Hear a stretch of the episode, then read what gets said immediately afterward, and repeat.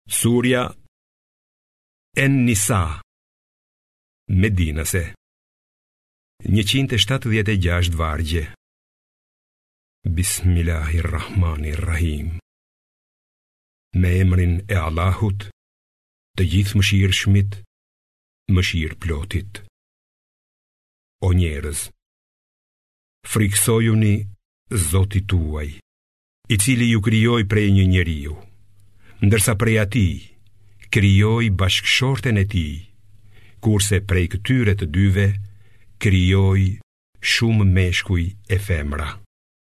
Dhe frikësojuni Allahut me emrin e të cilit ju kërkoni të drejtat e ndërsjella dhe ruani lidhjet farefisnore. Se vërtet, Allahu është përherë mbikëqyrës mbi ju. Jepuni pasurinë jetimëve, mos ua ndërroni sendet e tyre të mira me tuaja të këqija. Mos e harxhoni pasurinë e tyre duke e përzier me pasurinë tuaj, se kjo, me të vërtetë, është gjynah i madh. Nëse keni frikë se nuk bëni drejtësi ndaj jetimëve, atëherë Martohuni me ato gra që ju pëlqejnë, me dy, me tri apo me katër. E nëse frikësoheni se nuk do të jeni të drejtë ndaj të gjithave njësoj, atëherë mjaftohuni me një grua ose me atë që e keni në pushtetin tuaj. Në këtë mënyrë do t'i ruheni padrejtësisë më lehtë. Dhe Jepuni me gjithë zemër grave tuaja dhuratën e kurorëzimit, e nëse ato u falin me dëshirën e vet diçka prej atyre dhuratave, pranojeni atë pa frikë dhe me kënaqësi. Mos e lini në dorë të të paaftëve mendërisht pasurinë tuaj që Allahu jua ka dhënë si mjet jetese për ju. ushqejini dhe vishini ata prej saj dhe u thoni atyre fjalë të mira. Vërini në provë jetimët, derisa të bëhen për martesë. Nëse vëreni se janë pjekur, atëherë jepuani pasurinë e tyre.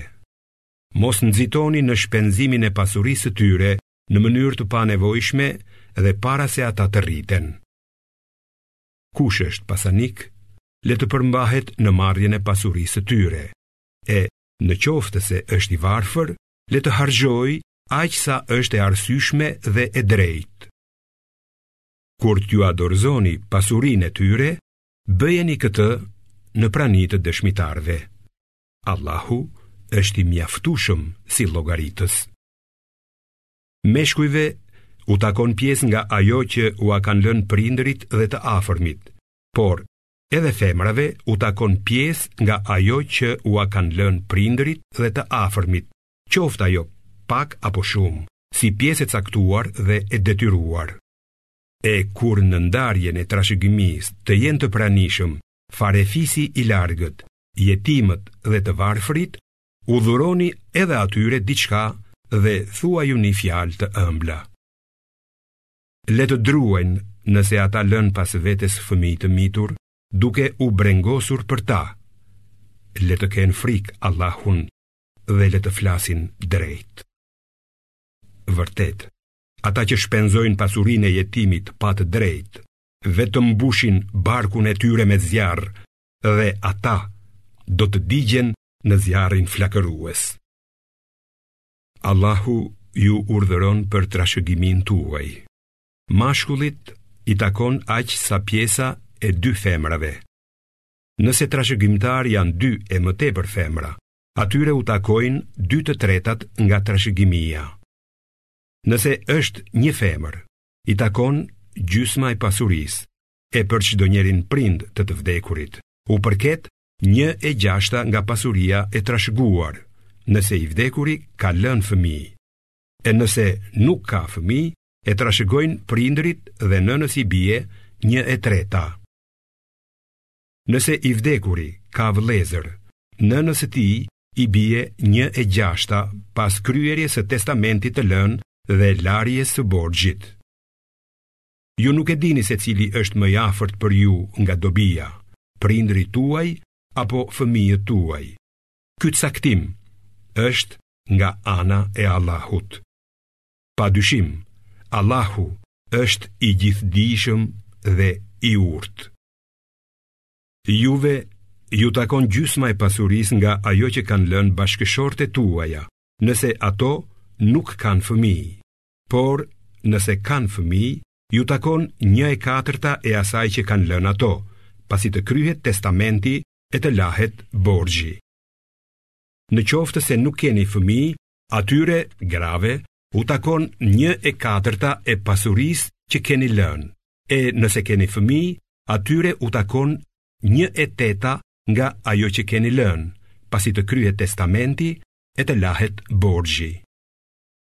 Nëse i vdekuri, qoftë burrë ose grua, është pa prindër dhe fëmijë, por ka vëlla ose motër prej nënës, atëherë çdo njërit prej tyre u takon një e gjashta, e nëse ka më shumë nga ata, atëherë marrin pjesë bashkërisht në një të tretën e pasurisë, pasi të kryhet testamenti e të lahet borxhi, duke mos e dëmtuar askënd. Kjo është porosia e Allahut. Allahu është i gjithdijshëm dhe shumë durues. Këta janë kufijtë e caktuar prej Allahut. Atë që i bindet Allahut dhe të dërguarit të tij, ai e shpie në kopshte nëpër të cilët rrjedhin lumenj dhe ku do të qëndrojë përherë. Kjo është fitorja e madhe. Ndërsa, atë që nuk i bindet Allahut dhe të dërguarit të tij dhe shkel kufijtë e vënë prej tij, Allahu e shpie në zjarr ku do të qëndrojë përherë dhe për të ka ndëshkim poshtërues. Për ato gra tuaja që bëjnë kurvëri, kërkoni që të dëshmojnë për këtë gjë, katër vetë prej jush. Nëse dëshmojnë për këtë gjë, i mbani ato në shtëpi derisa t'u vijë vdekja ose derisa Allahu t'u japë atyre rrugëdalje tjetër. Dhe ata të dy prej jush që kanë bërë këtë punë të turpshme, i ndëshkoni që të dy. E nëse pendohen dhe përmirësohen, ua hiqni dënimin. se Allahu e pranon pendimin dhe është mëshirues. Allahu është pranues i pendimit vetëm për ata që bëjnë ndonjë të keqe nga padituria dhe pendohen shpejt. Pra, këtyre Allahu ua pranon pendimin. Allahu është i gjithdijshëm dhe i urtë. Nuk pranohet pendimi i atyre që vazhdimisht bëjnë të këqija, e kur u afrohet vdekja, atëherë thonë, unë tani me të vërtetë po pendohem, as për ata që vdesin duke qenë jobesimtarë. Për këta, ne kemi përgatitur dënim të dhembshëm. O besimtarë, Nuk ju lejohet të bëheni përdhunisht trashëgimtarë të grave dhe mos i pengoni ato me qëllim që t'ua merrni një pjesë nga dhuratat që ua keni dhënë, përveç nëse bëjnë gabime sheshazi. Jetoni e silluni mirë me to. Në qoftë se ato nuk ju pëlqejnë aq shumë, duroni. Sepse është e mundur që juve të mos ju pëlqejë diçka, por që Allahu në atë do t'ju sjellë shumë të mira. Në qoftë se dëshironi të ndërroni grua, duke e lëshuar njërën për të marrë një tjetër, asaj që i keni dhënë pasuri, mos i merrni nga ajo pasuri asgjë. A do ta merrnit atë padrejtësisht duke bërë gjynah të qartë? Si do t'ia merrnit atë dhuratë kur ju i jeni dhënë njëri-tjetrit dhe kur ato kanë marrë nga ju besë të fortë? Mos i merrni ato gra që kanë qenë gratë e baballarëve tuaj, përveç rasteve që tashmë kanë kaluar. Vërtet, kjo është vepër e keqe dhe rrugë e shëmtuar. Ju ndalohet martesa me nënat tuaja, me bijat tuaja, me motrat tuaja, me hallat tuaja, me tezet tuaja, me bijat e vëllezërve dhe bijat e motrave, me nënat, gratë që ju kanë dhënë gji, me motrat tuaja që kanë thithur prej një gjiri. me nënat e grave tuaja, me vajzën e gruas suaj që gjendet nën kujdestarinë tuaj, nëse me atë grua keni pasur marrëdhënie bashkëshortore. E nëse nuk keni pasur marrëdhënie bashkëshortore, atëherë nuk ka pengesa. Ju ndalohet martesa me gratë e bijve tuaj dhe t'i bashkoni dy motra. përveç rasteve që tashmë kanë kaluar. Pa dyshim, Allahu është falës dhe mëshirëplotë. Ju ndalohet martesa edhe me gratë që gjenden nën kurorë, përveç atyre që i zini robëresha. Ky është urdhri i Allahut. Ju janë lejuar të tjerat, me kusht që t'i kërkoni me pasurinë tuaj për martesë e jo për jetë të përkohshme. Grave me të cilat kaloni jetë bashkëshortore, i jepuni dhuratat e detyrueshme për jetesë. S'ka gjynah për ju, me pëlqimin e të dyja palëve, që ta shtoni apo ta pakësoni sasinë e dhuratës së premtuar, se Allahu me të vërtetë është i gjithdijshëm dhe i urtë.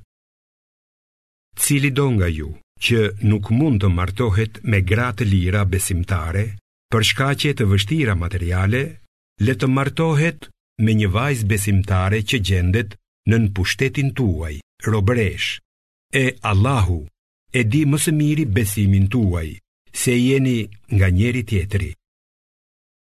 Martohuni me to me lejen e pronarëve të tyre. Jepuni dhuratat si është e zakonshme për gra të ndershme, e jo imorale të hapura apo të fshehta që jetojnë me dashnorë. Nëse ato, pasi të martohen, bëjnë kurvëri, dënimi i tyre është përgjysmë me dënimin e grave të lira të pamartuara. Kjo është për ata nga ju që kanë frikë se do të bëjnë gabim kurvëri. Nëse përmbaheni, kjo është edhe më mirë. Allahu është falës dhe mëshirëplotë. Allahu dëshiron që t'ju sqarojë, t'ju udhëzojë në rrugën e të dërguarve të mëparshëm dhe t'jua pranojë pendimet tuaja. Allahu është i gjithdijshëm dhe i urtë. Allahu dëshiron që t'jua pranojë pendimet tuaja, por ata që jepen pas epsheve, dëshirojnë që të largoheni krejtësisht nga udha e drejtë. Allahu dëshiron që t'jua lehtësojë barrët, pasi njeriu është krijuar si një qenie e pafuqishme. O besimtarë, mos e përvetësoni pasurinë e njëri-tjetrit në mënyrë të palejueshme, përveç rastit kur ajo është tregti me pëlqim të dyanshëm dhe mos e vritni veten dhe njëri-tjetrin. Vërtet, Allahu është i mëshirshëm me ju. Këdo prej jush që e bën këtë përdhunisht dhe padrejtësisht, ne, pa dyshim, do ta hedhim në zjarr. Kjo është shumë e lehtë për Allahun. Në qoftë se ju u shmangeni gjynaheve të mëdha që ju janë ndaluar, ne do t'ju a falim gabimet tuaja të vogla dhe do t'ju shpiem në një vend të nderuar. mos i lakmoni ato gjëra me anë të të cilave Allahu i ka bërë disa nga ju të dallohen mbi të tjerët. Meshkujt do të kenë pjesë prej asaj që kanë punuar, e po ashtu edhe femrat do të kenë pjesë prej asaj që kanë punuar. Kërkoni prej Allahut nga mirësitë e Tij. Vërtet, Allahu është i dijshëm për çdo gjë. Gjithkujt ne i kemi caktuar trashëgimtarët për çdo gjë që lënë prindërit ose të afërmit, ndërsa atyre me të cilët keni bërë marrëveshje, i jepuni pjesën e vet. Sigurisht që Allahu është dëshmitar për çdo gjë. Meshkujt kanë autoritet mbi gratë, meqë Allahu u ka dhënë disa cilësi mbi ato dhe meqë ata shpenzojnë për mbajtjen e tyre. Gra të mira janë ato të dëgjueshmet, që ruajnë fshehtësitë që ka urdhëruar Allahu. Sa i përket grave që ju i druheni mosbindjes dhe sjelljes së keqe nga ana e tyre, këshillojini. E nëse kjo s'bën dobi, mos i pranoni në shtrat dhe në fund i rrihni ato lehtas. Por, nëse ato ju binden, atëherë mos i ndëshkoni më. Allahu me të vërtetë është i lartësuar dhe i madhëruar. Nëse i druheni ndarjes midis burrit e gruas, atëherë caktoni një ndërmjetës nga ana e burrit dhe një nga ana e gruas. Në qoftë se ata dëshirojnë paqësim, Allahu sjell marrëveshje midis tyre. Allahu me të vërtetë është i gjithëdijshëm dhe i di të gjitha qëllimet. Adhuroni Allahun dhe mos i shoqëroni atij asgjë në adhurim. Silluni mirë me prindërit, të afërmit, jetimët, të varfërit, fqinjët e afërt dhe të largët, me atë që keni pranë, me udhëtarin që ka mbetur ngushtë, dhe me ata që janë robër nën pushtetin tuaj. Në të vërtetë, Allahu nuk i do njerëzit arrogantë e mburravecë. E as ata që janë koprracë, të cilët kërkojnë që edhe të tjerë të bëhen koprracë dhe fshehin atë që ua ka dhuruar Allahu nga mirësitë e tij. Ne kemi përgatitur për mohuesit ndëshkim poshtërues. Ai nuk i do as ata që ndajnë nga pasuria e tyre sa për sy e faqe të botës dhe që nuk e besojnë Allahun e as ditën e kiametit. Ai që ka për shok djallin, dihet sa shok i keq është. E ç'dëm do të kishin ata sikur të besonin Allahun dhe ditën e kiametit dhe të ndanin nga pasuria që u ka dhënë Allahu.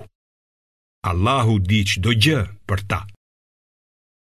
Vërtet, Allahu nuk dëmton askënd, asnjë grimë, por nëse dikush bën mirësi, Allahu ia shumëfishon atë dhe i jep shpërblim të madh. Si do të bëhet kur prej çdo populli të sjellim dëshmitarë dhe të të sjellim ty o Muhamed për dëshmitar mbi të gjithë ata. Atë ditë, ata që nuk kanë besuar dhe që nuk i janë bindur të dërguarit, do të dëshironin të rrafshoheshin me tokën, por Allahut nuk mund t'i fshehin asnjë fjalë. O besimtarë, mos u falni kur jeni të dehur. prisni të kthjelloheni e të dini se ç'flisni.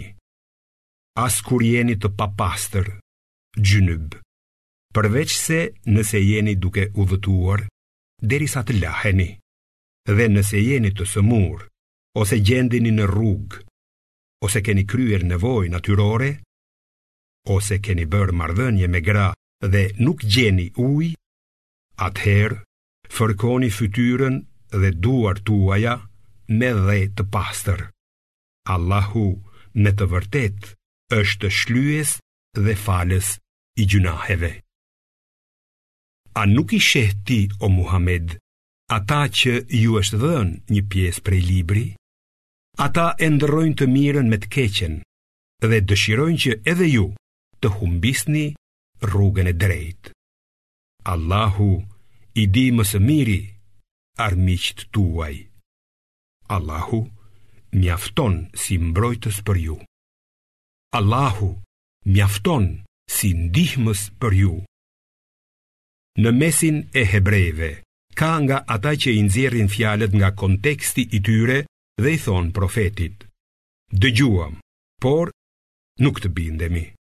dhe dëgjo mos dëgjofsh dhe raina duke shtrembëruar shprehjet me gjuhën e tyre dhe duke shpifur për fenë po sikur ata të kishin thënë dëgjuam dhe u bindëm dhe dëgjo e shikona neve kjo do të ishte më e mirë dhe më e drejtë për ata Allahu i mallkoi ata për shkak të mohimit të tyre, prandaj ata nuk besojnë, përveç një numri të vogël. O ju, të cilëve ju është dhënë libri, besoni atë që kemi zbritur si vërtetues të asaj që keni në duar, para se t'jua fshijmë fytyrat e t'jua kthejmë prapa, ose t'ju mallkojmë ashtu siç i mallkuam shkelësit e sabatit, urdhri i Allahut do të zbatohet do e mos. Vërtet, Allahu nuk fal që të adhurohet dikush apo diçka tjetër veç atij, por gjynahet e tjera më të vogla, ia fal kujt të dojë. Kushdo që i bën shok Allahut në adhurim, ka bërë gjynah të tmerrshëm. A nuk i ke parë ata që e kujtojnë veten të dëlirë? Jo. Allahu dëlir kë të dojë dhe askush nuk do të pësojë as padrejtësinë më të vogël. Shiko si shpifin ata gënjeshtra kundër Allahut. Mjafton kjo shpifje si gjynah i qartë. A nuk i ke parë ata që u është dhënë një pjesë e librit? Besojnë në idhuj dhe hyjni të rreme dhe thonë për jobesimtarët.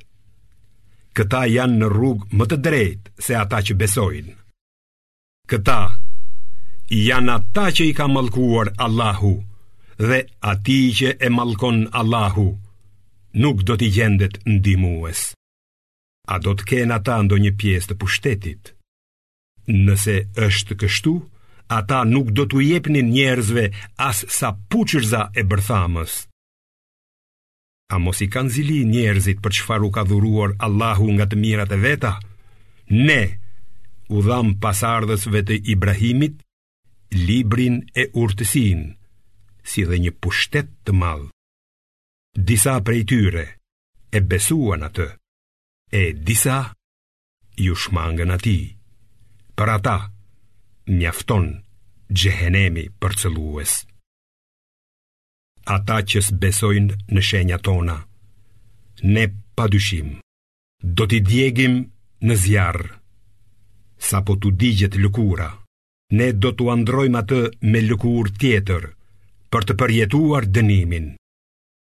Me të vërtetë, Allahu është i plotfuqishëm dhe i urtë. Sa për ata që besojnë dhe punojnë vepra të mira, ne do t'i shpiem në kopshte, nëpër të cilat rrjedhin lumenj dhe ku do të banojnë përgjithmonë. Ata do të kenë bashkëshorte të pastra dhe ne do t'i shpiem në hije të dendura.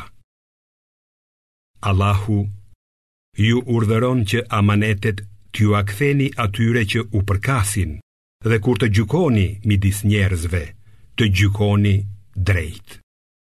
Vërtet, Allahu ju këshillon mrekullueshëm dhe vërtet. Allahu dëgjon çdo gjë dhe vështron të gjitha punët. O besimtarë, Bindjuni Allahut, bindjuni të dërguarit dhe atyre që drejtojnë punët tuaja, nëse nuk pajtoheni në ndonjë gjë. Drejtojuni Allahut dhe të dërguarit, nëse besoni Allahun dhe ditën e kiametit. Kjo për ju është më e mira dhe shpjegimi më i bukur. A nuk i ke parë ti o Muhammed ata hipokrit që pohojnë se kanë besuar në atë që të është shpallur ty dhe profetëve të tjerë para teje? Ata kërkojnë gjykimin e zotave të rremë, ndërkohë që janë urdhëruar t'i mohojnë ato. Djalli dëshiron që t'i nxjerrë ata krejtësisht nga udha e drejtë. Po kur u thuhet atyre, Ejani tek ajo që ka shpallur Allahu dhe tek i dërguari. I sheh hipokritët se si largohen prej teje me neveri. Si do të jetë gjendja e tyre kur t'i godasë fatkeqësia për shkak të asaj që vetë kanë punuar e të vijnë te ti, duke u betuar në Allahun e duke thënë: Ne kemi dashur vetëm të bëjmë mirësi dhe pajtim. Këta janë ata për të cilët Allahu e di se ç'ka në zemrat e tyre. Largohu prej tyre. Këshilloji dhe thuaju fjalë që i prekin në zemër. Ne i kemi nisur të dërguarit vetëm me qëllimin që njerëzit me lejen e Allahut t'u binden atyre dhe në qoftë se ata kurdo që ta ngarkonin veten me gjynahe të vinin te ti për t'i kërkuar falje Allahut dhe i dërguari t'i lutej Allahut për shfajësimin e tyre, do ta vërenin se Allahu me të vërtetë është pranues i pendimit dhe mëshirëplotë.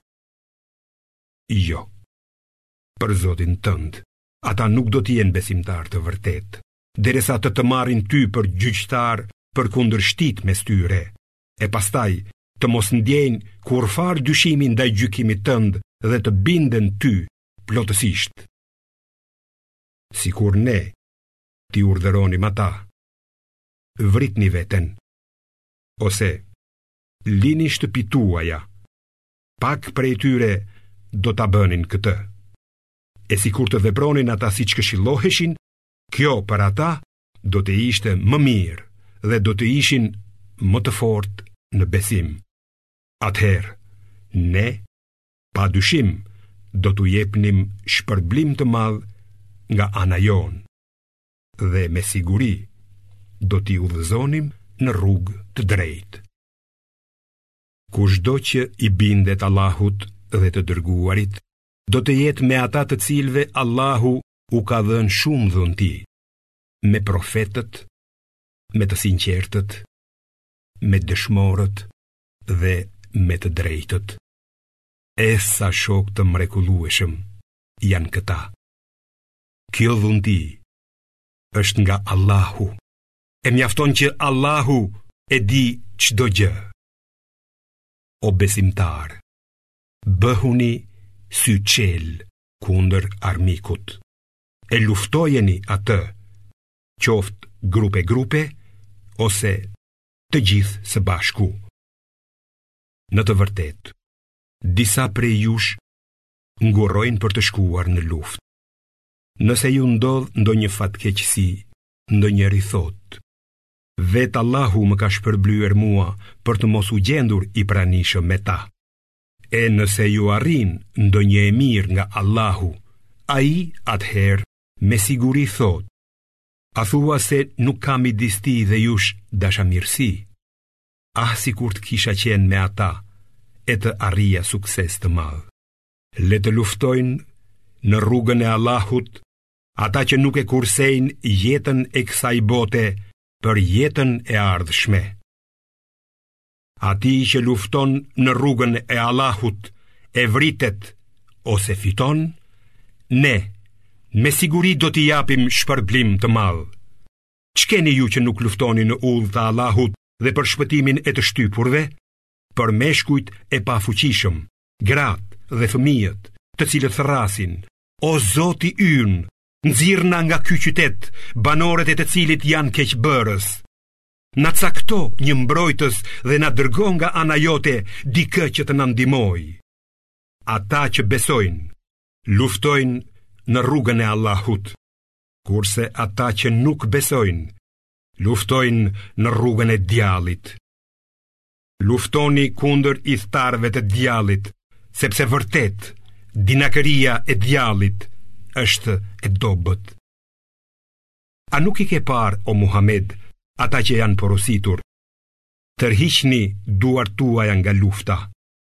Falni namazin dhe jepni zekatin.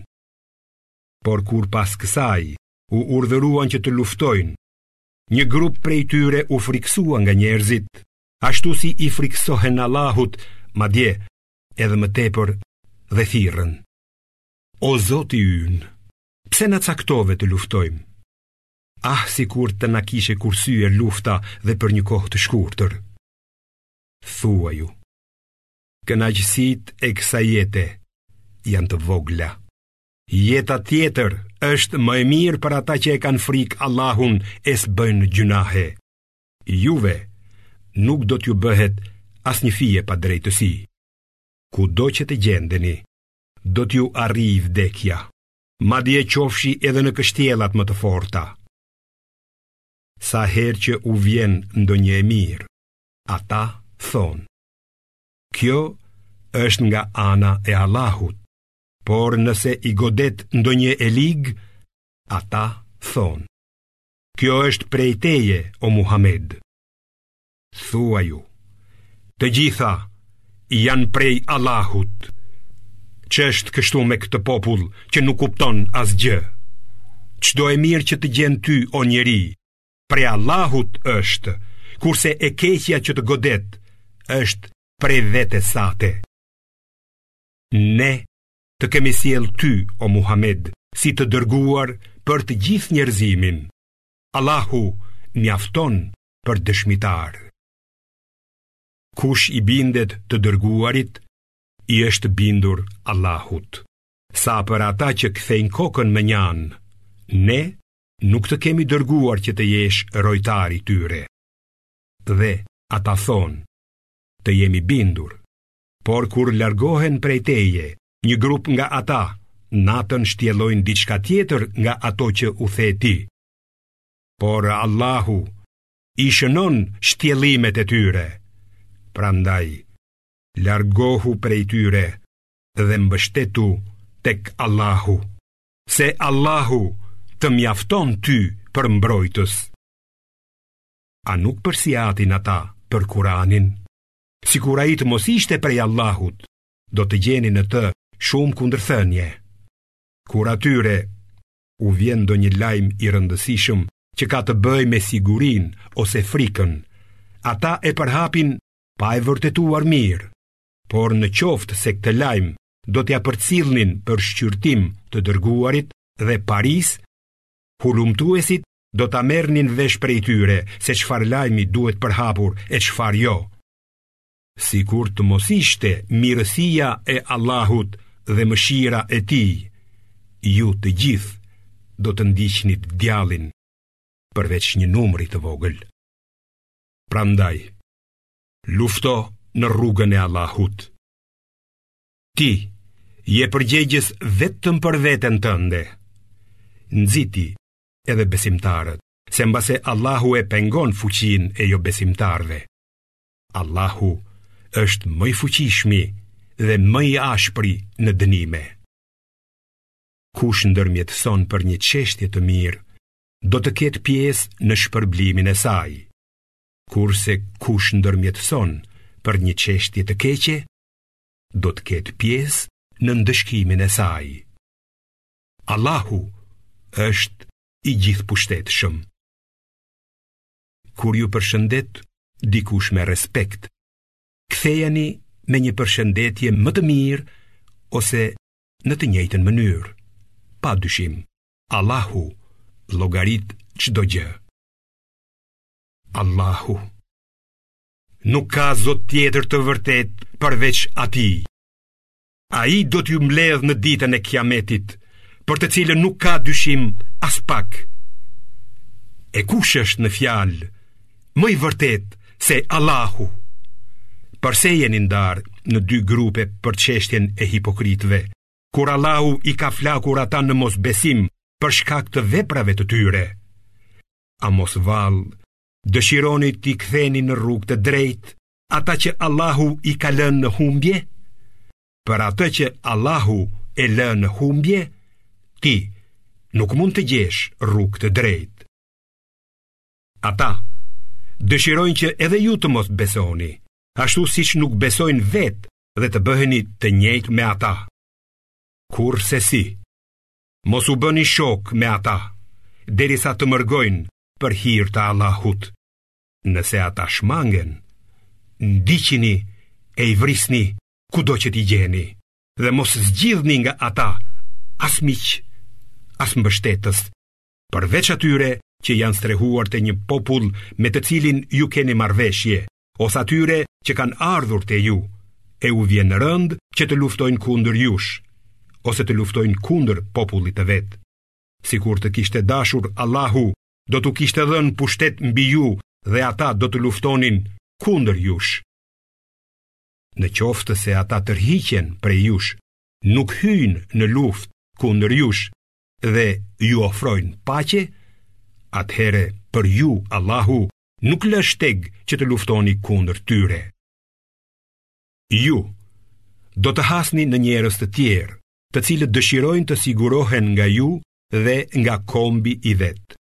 Sa herë që thirren në idhujtari, menjëherë bien në të.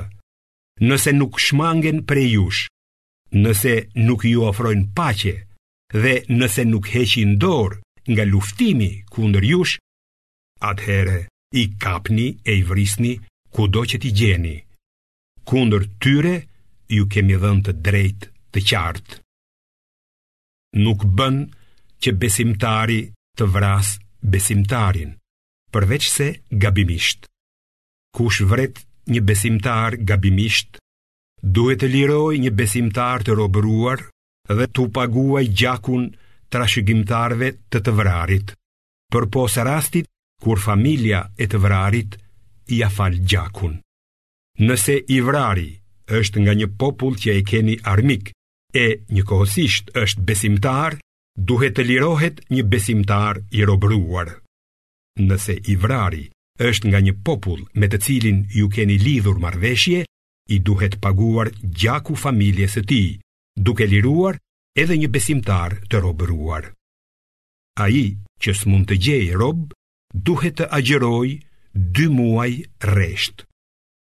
Kjo është bërë në shenjë pendimi para Allahut, se Allahu është i gjithëdijshëm dhe i urtë. Kushdo që vret një besimtar me qëllim, ndëshkimi i tij është xhehenemi, në të cilin do të qëndrojë përgjithmonë. Allahu është zemëruar me atë, e ka mallkuar dhe i ka përgatitur një dënim të madh. O besimtarë, kur të shkoni në luftë, në rrugë të Allahut, shqyrtoni gjithçka me kujdes. Mos i thoni atij që ju përshëndet me selam, nuk je besimtar, me qëllim që të fitoni kënaqësi të kësaj jete, ndërkohë që tek Allahu ka fitime të shumta. Të tillë keni qenë edhe ju më parë, e Allahu ju dha mirësi. Prandaj, gjithmonë sqarojini mirë të gjitha punët, se Allahu është njohës i veprave tuaja. Nuk janë të njëjtë ata besimtarë që rrinë në shtëpitë e tyre përveç të paaftëve, me ata që luftojnë në rrugën e Allahut me pasurinë dhe jetën e tyre. Allahu i ngre një shkallë më lart ata që kanë luftuar me pasurinë dhe jetën e tyre kundrejt atyre që kanë ndenjur në shtëpitë e veta. Ai u ka premtuar të gjithëve mirësi, por i ka dalluar ata që luftojnë, mbi ata që nuk luftojnë me shpërblim të madh, me shkallë të veçanta, me falje dhe mëshirë. Allahu është falës dhe mëshirëplotë. Kur engjëjt ua marrin shpirtrat atyre që e kanë ngarkuar veten me faje, u thonë, ku ishit? Ata përgjigjen, ishim të pafuqishëm në tokë. Engjëjt do t'u thonë, a nuk qe toka e Allahut e gjërë që të mërgonit në të? Këta janë ata njerëz vendbanimi i të cilëve është xhehenemi. E sa vend i keq është ai vendbanim. Me përjashtim të meshkujve të pafuqishëm, grave dhe fëmijëve, të cilët nuk kanë as fuqinë e as mundësinë të drejtohen në rrugë, mbase Allahu i fal, se Allahu me të vërtetë është shlyes dhe falës i gjynaheve. Kush mërgon për çështjen e Allahut, ai gjen shumë vendbanime dhe begati në tokë. Kush lë shtëpinë e vet, duke u shpërngulur për tek Allahu dhe i dërguari i tij dhe ndodh që t'i vijë vdekja, Allahu me siguri do ta shpërblejë, se Allahu është falës dhe mëshirëplotë. Kur të udhëtoni, nuk është gjynah që ta shkurtoni namazin, nëse druheni që jobesimtarët do t'ju bëjnë ndonjë dëm. Me të vërtetë, jobesimtarët janë armiqtë tuaj të hapur. Kur të jesh ti o Muhamed në mes të besimtarëve dhe të prish faljen e namazit në luftë, Atëherë, njëri grup prej tyre le të falet me ty dhe le t'i mbajnë pranë edhe armët e veta. Pastaj këta le të rrinë pas jush dhe le të vijë grupi tjetër i cili nuk është falur dhe le të falet me ty. Le të jenë syçelë dhe t'i mbajnë armët e veta. Jobesimtarët dëshirojnë që të jeni të pakujdesshëm ndaj armëve dhe pajimeve tuaja, që t'ju sulmojnë me tërë fuqinë. Nuk ka gjynah për ju nëse hasni në ndonjë shqetësim prej shiut ose sëmundjes e i lini armët, por edhe atëherë bëhuni syçelë. Allahu me të vërtetë ka përgatitur dënim poshtërues për jobesimtarët. Pasi të kryeni namazin, përmendeni Allahun duke qëndruar në këmbë, ulur dhe të shtrirë. Kur të jeni jashtë rrezikut, atëherë faleni namazin të plotë, sepse namazi është detyrë për besimtarët në kohë të caktuar. Mos u tregoni të dobët në ndjekjen e jobesimtarëve. Nëse ndieni dhembje prej luftës, edhe ata ndiejnë dhimbje ashtu si edhe ju. Mirëpo, ju shpresoni prej Allahut atë që ata nuk e shpresojnë. Allahu është i gjithëdijshëm dhe i urtë. Vërtet, ne o Muhammed, ta kemi zbritur Kuranin me të drejtën, në mënyrë që ti të gjykosh ndërmjet njerëzve sipas asaj që të ka shpallur Allahu. Dhe mos u bëj mbrojtës i tradhëtarëve. Kërko ndjesë prej Allahut, se Allahu është falës e mëshirëplotë. Dhe mos i mbro ata që mashtrojnë vetëveten, se Allahu nuk i do tradhëtarët dhe gjynahqarët. Ata fshihen nga njerëzit, por nuk fshihen dot nga Allahu. Ai është pranë tyre edhe natën kur trillojnë gjëra me të cilat ai nuk është i kënaqur, se Allahu përfshin me dijen e tij gjithçka që ata bëjnë. Ja, ju i mbrojtët ata në këtë botë. Por kush do t'i mbrojë tek Allahu në ditën e kiametit, ose kush do të bëhet përfaqësues i tyre? Kush punon vepër të keqe, ose e ngarkon veten me gjynahe, pastaj kërkon falje prej Allahut, do të gjejë se Allahu është falës e mëshirëplotë. Kush bën gjynah, ai ia ka bërë shpirtit të vet. Allahu është i gjithëdijshëm dhe i urtë. Kush bën ndonjë gjynah ose të keqe, pastaj ia vesh atë një të pafajshmi, atëherë ai e ka ngarkuar veten me fajin e shpifjes dhe me një gjynah të qartë. Sikur të mos e kishe mirësinë e Allahut dhe mëshirën e tij, një grup i atyre do të përpiqej që të të nxirrte nga udha e drejtë. Ata me këtë e humbin vetëm vetveten, kurse ty nuk të bëjnë kurrfarë dëmi. Allahu të shpalli ty librin, Kuranin dhe urtësinë e plotë, si dhe të mësoi atë që nuk e ke ditur. Dhuntia e Allahut për ty është shumë e madhe. S'ka kurrfarë të mire në shumë prej bisedave të tyre të fshehta, përveç rastit kur ndokush kërkon që të jepet sadaka ose të kryhet një vepër e mirë apo paqësim ndërmjet njerëzve. Atij që e bën këtë për të fituar kënaqësinë e Allahut, ne do t'i japim një shpërblim të madh. Këdo që e kundërshton të dërguarin, pasi i është dhënë udhëzimi dhe ndjek rrugë tjetër nga ajo e besimtarëve, ne e lëmë të ecë andej nga është nisur dhe do ta përcëllojmë në zjarrin e Xhehenemit.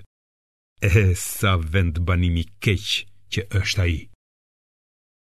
Vërtet, Allahu nuk fal që të adhurohet dikush apo diçka tjetër veç atij. por gjynahet e tjera më të vogla, ia fal kujt të dojë. Kushdo që i bën shok Allahut në adhurim, ai me të vërtetë ka humbur dhe është larguar shumë prej udhës së drejtë. Ata nuk adhurojnë tjetër veçse idhuj femërorë dhe nuk thërrasin tjetër përveç djallit kryengritës, të cilin e ka mallkuar Allahu. Sepse djalli ka thënë, unë doemos do të marr një pjesë të caktuar të robërve të tu. Doemos, do t'i shpie ata në rrugë të shtrembër, do t'i josh me shpresa të kota dhe me siguri do t'i urdhëroj që t'u presin veshët bagëtive, e pastaj do t'i urdhëroj që të ndryshojnë krijesën e Allahut. Kush merr djallin për mbrojtës në vend të Allahut, ai ka pësuar humbje të qartë. Ai, djalli, u premton atyre dhe i josh me shpresa, por ato që premton djalli, janë vetëm mashtrime. Për ata, vendbanim, është xhehenemi dhe nuk mund të gjejnë shpëtim prej tij. Ata që besojnë dhe bëjnë vepra të mira, ne do t'i shpiem në kopshte të xhenetit, nëpër të cilat rrjedhin lumenj. Aty do të qëndrojnë vazhdimisht e përgjithmonë. Ky është premtimi i vërtetë i Allahut. E kush është më i vërtetë se Allahu në fjalë? Shpëtimi në jetën tjetër nuk do të jetë as sipas dëshirës suaj, o muslimanë, as sipas dëshirës së ithtarëve të librit. Por kushdo që bën një të keqe, do të ndëshkohet për atë dhe nuk do të gjejë as mbrojtës, as mbështetës tjetër në vend të Allahut. Dhe kushdo që bën vepra të mira, qoftë ai mashkull ose femër, duke qenë besimtar, do të hyjë në xhenet dhe nuk do t'i bëhet asnjë padrejtësi. Kush është besimtar më i mirë se ai që i dorëzohet sinqerisht Allahut, duke qenë bamirës dhe zbatues i fesë së pastër të Ibrahimit, të cilin Allahu e ka marrë për mik të ngushtë. Allahut i përket gjithçka që gjendet në qiej dhe gjithçka që gjendet në tokë, dhe Allahu i përfshin të gjitha në dijen e tij. Ata kërkojnë prej teje o Muhammed që t'i sqarosh lidhur me çështjet e grave. Thuaju, për çështjet e tyre ju sqarojnë Allahu dhe libri që ju lexohet, si për femrat jetime të cilave nuk u jepni dhuratën e caktuar për ato dhe pse dëshironi të martoheni me to, ashtu edhe për fëmijët e mitur. Allahu ju udhëzon që të silleni drejt me jetimët. Allahu është në dijeni të çdo të mire që bëni. Nëse gruaja druan nga burri i saj se do të sillet keq ose nuk do ta përfillë, atëherë nuk ka gjynah për ata. nëse pajtohen ndërmjet tyre. Pajtimi është më i mirë. Njerëzit janë të prirur nga kopracia, por në qoftë se ju silleni mirë dhe ruheni prej të këqijave, Allahu e di mirë çfarë veproni. Ju nuk do të mund të silleni drejt midis grave tuaja, edhe sikur të dëshironi. Andaj, Mos anoni krejtësisht vetëm nga njëra, duke e lënë tjetrën si të varur.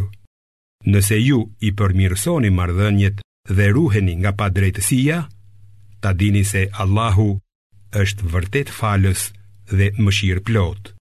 E nëse ata ndahen, Allahu me begatinë e tij, çdo njërin prej tyre, e bën të pavarur, se Allahu është dorëgjerë dhe i urtë. E Allahut është gjithçka që gjendet në qiej dhe në tokë. Ne i kemi porositur ata që u është shpallur libri para jush dhe juve. Frikësojuni Allahut. Nëse mohoni, dijeni se Allahut i përket gjithçka që gjendet në qiej dhe në tokë. Allahu është i vetëmjaftueshëm dhe i denjë për çdo lavdërim. Allahut i përket gjithçka që gjendet në qiej dhe në tokë. Allahu është mbrojtës i juaj i mjaftueshëm. Nëse do, ai ju dëbon ju or njerëz dhe sjell të tjerë. Allahu ka fuqi ta bëjë këtë. Kush dëshiron shpërblimin e kësaj bote, Le ta dijë se tek Allahu janë shpërblimi i kësaj dhe i botës tjetër. Allahu dëgjon dhe vështron çdo gjë. O besimtarë, bëhuni zbatues të palëkundur të drejtësisë, duke dëshmuar në emër të Allahut, qoftë edhe kundër jush ose kundër prindërve dhe të afërmve tuaj. qoftë i pasur ose i varfër ai për të cilin dëshmoni, Allahu është për ata vlerësuesi më i drejtë. Dhe mos shkoni pas epsheve tuaja e të shtrembëroni drejtësinë. Nëse ju ngatërroni dëshminë ose i shmangeni asaj, vërtet që Allahu e di se çfarë bëni ju. O besimtarë, Besoni Allahun, të dërguarin e tij, librin që ia ka zbritur të dërguarit të tij, dhe librin që e ka zbritur më parë, kushdo që mohon Allahun, engjëjt e tij, librat e tij, të dërguarit e tij, dhe ditën e kiametit, ai me të vërtetë ka humbur larg prej udhës së drejtë. Ata që në fillim besojnë dhe pastaj e mohojnë besimin, më pas sërish besojnë dhe sërish e mohojnë besimin dhe thellohen në mosbesim, Allahu me të vërtetë nuk do t'i falë dhe nuk do t'i shpjerë në rrugë të drejtë. Paralajmëroji hipokritët o Muhammed për dënimin e mjerueshëm që i pret, ata që miqësohen me mohuesit e jo me besimtarët, Vallë tek ata kërkojnë fuqi, kur në të vërtetë e gjithë fuqia i përket vetëm Allahut. Ai jua ka shpallur në libër. Kur të dëgjoni se mohohen fjalët e Allahut dhe bëhet tallje me to, atëherë mos rrini me ata njerëz që veprojnë kështu, derisa të ndërrojnë bisedë, përndryshe do të ishit si ata. Allahu do t'i tubojë në xhehenem të gjithë hipokritët dhe mohuesit. Ata përgjojnë se çfarë do të bëhet me ju. Kështu, nëse ju vjen fitorja nga Allahu, ata thonë, a nuk ishim vallë ne me ju? E nëse mohuesit arrijnë fitore, hipokritët u thonë, A thua nuk ju ndihmuam deri në fitore dhe ju mbrojtëm prej besimtarëve të vërtetë? Allahu do të gjykojë ndërmjet jush në ditën e kiametit. Allahu nuk do t'u japë kurrë rast mohuesve që t'i shkatërrojnë besimtarët. Në të vërtetë, hipokritët përpiqen të mashtrojnë Allahun, por është ai që i mashtron ata. Kur ata ngrihen për namaz, ngrihen me përtesë, vetëm sa për t'u dukur para botës dhe Allahun e përmendin fare pak. Luhaten në mëdyshje, nuk janë as me këta, as me ata. Këdo që Allahu e shpie në humbje, ti o Muhamed nuk do të mundesh t'ia gjesh rrugën. O besimtarë, Mos i zgjidhni mohuesit për miq në vend të besimtarëve. A mos vallë doni t'i jepni Allahut dëshmi të qartë kundër vetvetes? Pa dyshim që hipokritët do të jenë në thellësinë më të madhe të xhehenemit dhe ti, kurrsesi nuk do t'u gjesh atyre ndihmës. Por, ata që pendohen, përmirësohen mbështeten fort tek Allahu dhe që besimin e tyre e kanë sinqerisht vetëm për Allahun, do të jenë me besimtarët e vërtetë. Allahu do t'u japë shpërblim të madh besimtarëve. Përse t'ju ndëshkojë Allahu nëse ju e falënderoni dhe e besoni? Allahu është mirënjohës dhe i gjithëdijshëm. Allahu nuk do që të thuhen hapur fjalë të këqija, përveçse nga të dëmtuarit. Allahu dëgjon dhe di gjithçka. Në qoftë se ju bëni ndonjë vepër të mirë haptazi ose fshehurazi ose falni ndonjë vepër të keqe, Allahu është falës i madh dhe i plotfuqishëm. Vërtet, Ata që mohojnë Allahun dhe të dërguarit e tij dhe dëshirojnë ta ndajnë Allahun nga të dërguarit e tij duke thënë ne disa i besojmë e disa nuk i besojmë dhe duke dashur që kështu të zgjedhin një rrugë të ndërmjetme pikërisht ata janë mohuesit e vërtetë ne kemi përgatitur dënim poshtërues për mohuesit ndërsa atyre që besojnë Allahun dhe të dërguarit e tij dhe nuk bëjnë dallim mes asnjërit prej tyre, ai do t'u japë shpërblimin e premtuar, se Allahu është falës dhe mëshirëplotë. Ithtarët e librit kërkojnë prej teje o Muhamed që t'u zbresësh një libër prej qiellit. Në fakt, ata i kërkuan Musait diçka edhe më të madhe duke i thënë: Na e trego Allahun haptazi. Atëherë, i shkatërroi rrufeja për shkak të poshtërsisë që bënë. Pastaj zgjodhën viçin për adhurim, pas shenjave të qarta që iu patën ardhur. Ne ua falëm atë. dhe i dhamë Musait pushtet të dukshëm. Ne ngritëm mbi ata malin Tur, sipas besëlidhjes me ta, pastaj u thamë, hyni në portë duke u përulur dhe mos e shkelni sabatin dhe morëm nga ata një besë të fortë. Ne i mallkuam ata për shkak të shkeljes së besëlidhjes nga ana e tyre, për shkak të mohimit që i bënë shpalljeve të Allahut, për shkak të vrasjes së profetëve pa kurrfarë të drejte dhe për thënien e tyre, zemrat tona janë të mbyllura në këllëf. Prandaj s'i kuptojmë fjalët e profetëve? Nuk është kështu. Por Allahu ua ka vulosur ato për shkak të mohimit të tyre. Prandaj, pak prej tyre besojnë. I mallkuam ata për shkak të mosbesimit të tyre ndaj Isait alejhi selam, për shkak të shpifjeve të mëdha që thanë kundër Merjemes dhe për fjalët e tyre, ne e vramë Mesihun Isain. të birin e Merjemes, të dërguarin e Allahut. Por ata as e vranë, as e kryqëzuan, por ashtu u është dukur. Ata që nuk u pajtuan për çështjen e tij, me siguri që gjenden në dyshim për të. Ata nuk kanë ditur kurrgjë për të, por vetëm kanë hamendësuar. Ata, në të vërtetë, nuk e kanë vrarë, por Allahu e ka ngritur pranë vetes. Allahu është i plotfuqishëm dhe i gjithëdijshëm. Të gjithë ithtarët e librit do t'i besojnë Isait para se ai të vdesë dhe në ditën e kiametit ai do të jetë dëshmitar kundër tyre. Ne ua ndaluam atyre disa ushqime të mira, të cilat ishin të lejuara për ta, për shkak të prapësive që bënë, për shkak se ata pengonin shumë njerëz nga udha e Allahut, për shkak se merrnin kamatë, megjithëse kjo ishte e ndaluar për ta, dhe për shkak se përvetësonin padrejtësisht pasurinë e njerëzve.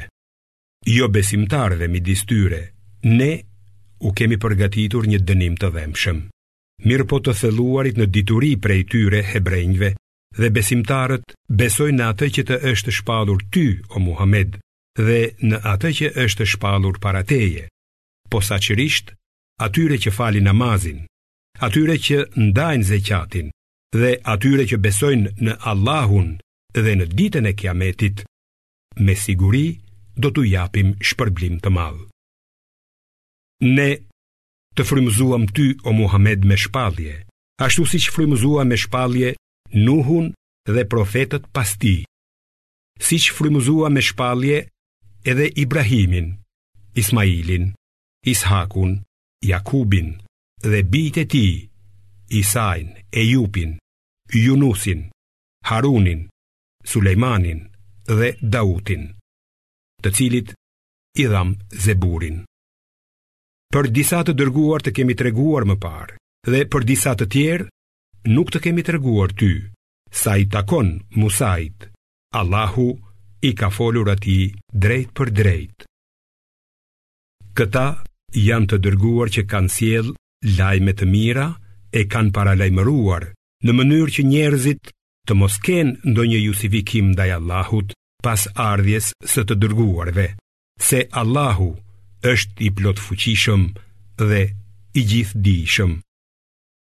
Por Allahu dëshmon për atë që të ka shpallur ty, o Muhammed, se ai ta ka shpallur atë me dijeninë e tij. Po ashtu edhe engjëjt dëshmojnë për këtë. Allahu është i mjaftueshëm si dëshmitar. Me të vërtetë, Ata që kanë mohuar dhe kanë larguar njerëzit nga rruga e Allahut, ata kanë humbur larg prej udhës së drejtë. Ata që nuk besojnë dhe bëjnë padrejtësi, Allahu nuk i fal. As nuk do t'i udhëzojë në kurrfarë rruge, përveçse drejt rrugës së xhehenemit ku do të qëndrojnë përgjithmonë. Dhe kjo për Allahun është e lehtë. O njerëz, I dërguari ju ka sjellë të vërtetën nga Zoti juaj. Prandaj, besoni se për ju është më mirë. E në qoftë se nuk besoni, ta dini se Allahut i përket gjithçka që gjendet në qiej dhe në tokë. Allahu është i gjithëdijshëm dhe i urtë. O ithtarët e librit, mos e kaloni kufirin në besimin tuaj, dhe për Allahun thoni vetëm të vërtetën. Mesihu, Isai, i biri i Merjemes, është vetëm i dërguar i Allahut dhe fjala e tij, të cilën ia ka dërguar Merjemes si dhe shpirt i krijuar nga ai. Pra, besojini Allahut dhe të dërguarve të tij. Dhe mos thoni tre zota. Hiqni dorë se është më mirë për ju. Allahu është vetëm një Zot, qoftë lavdëruar ai. Ai është tepër i lartësuar për të pasur fëmijë. E tij është gjithçka që gjendet në qiej dhe në tokë.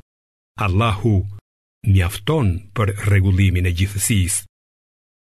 Mesihu nuk do ta përbuzte kurrë që të ishte rob i Allahut, as edhe engjëjt më të afërm ata që e shpërfillin dhe e nënçmojnë me arrogancë adhurimin ndaj tij, Allahu do t'i sjellë të gjithë para vetes.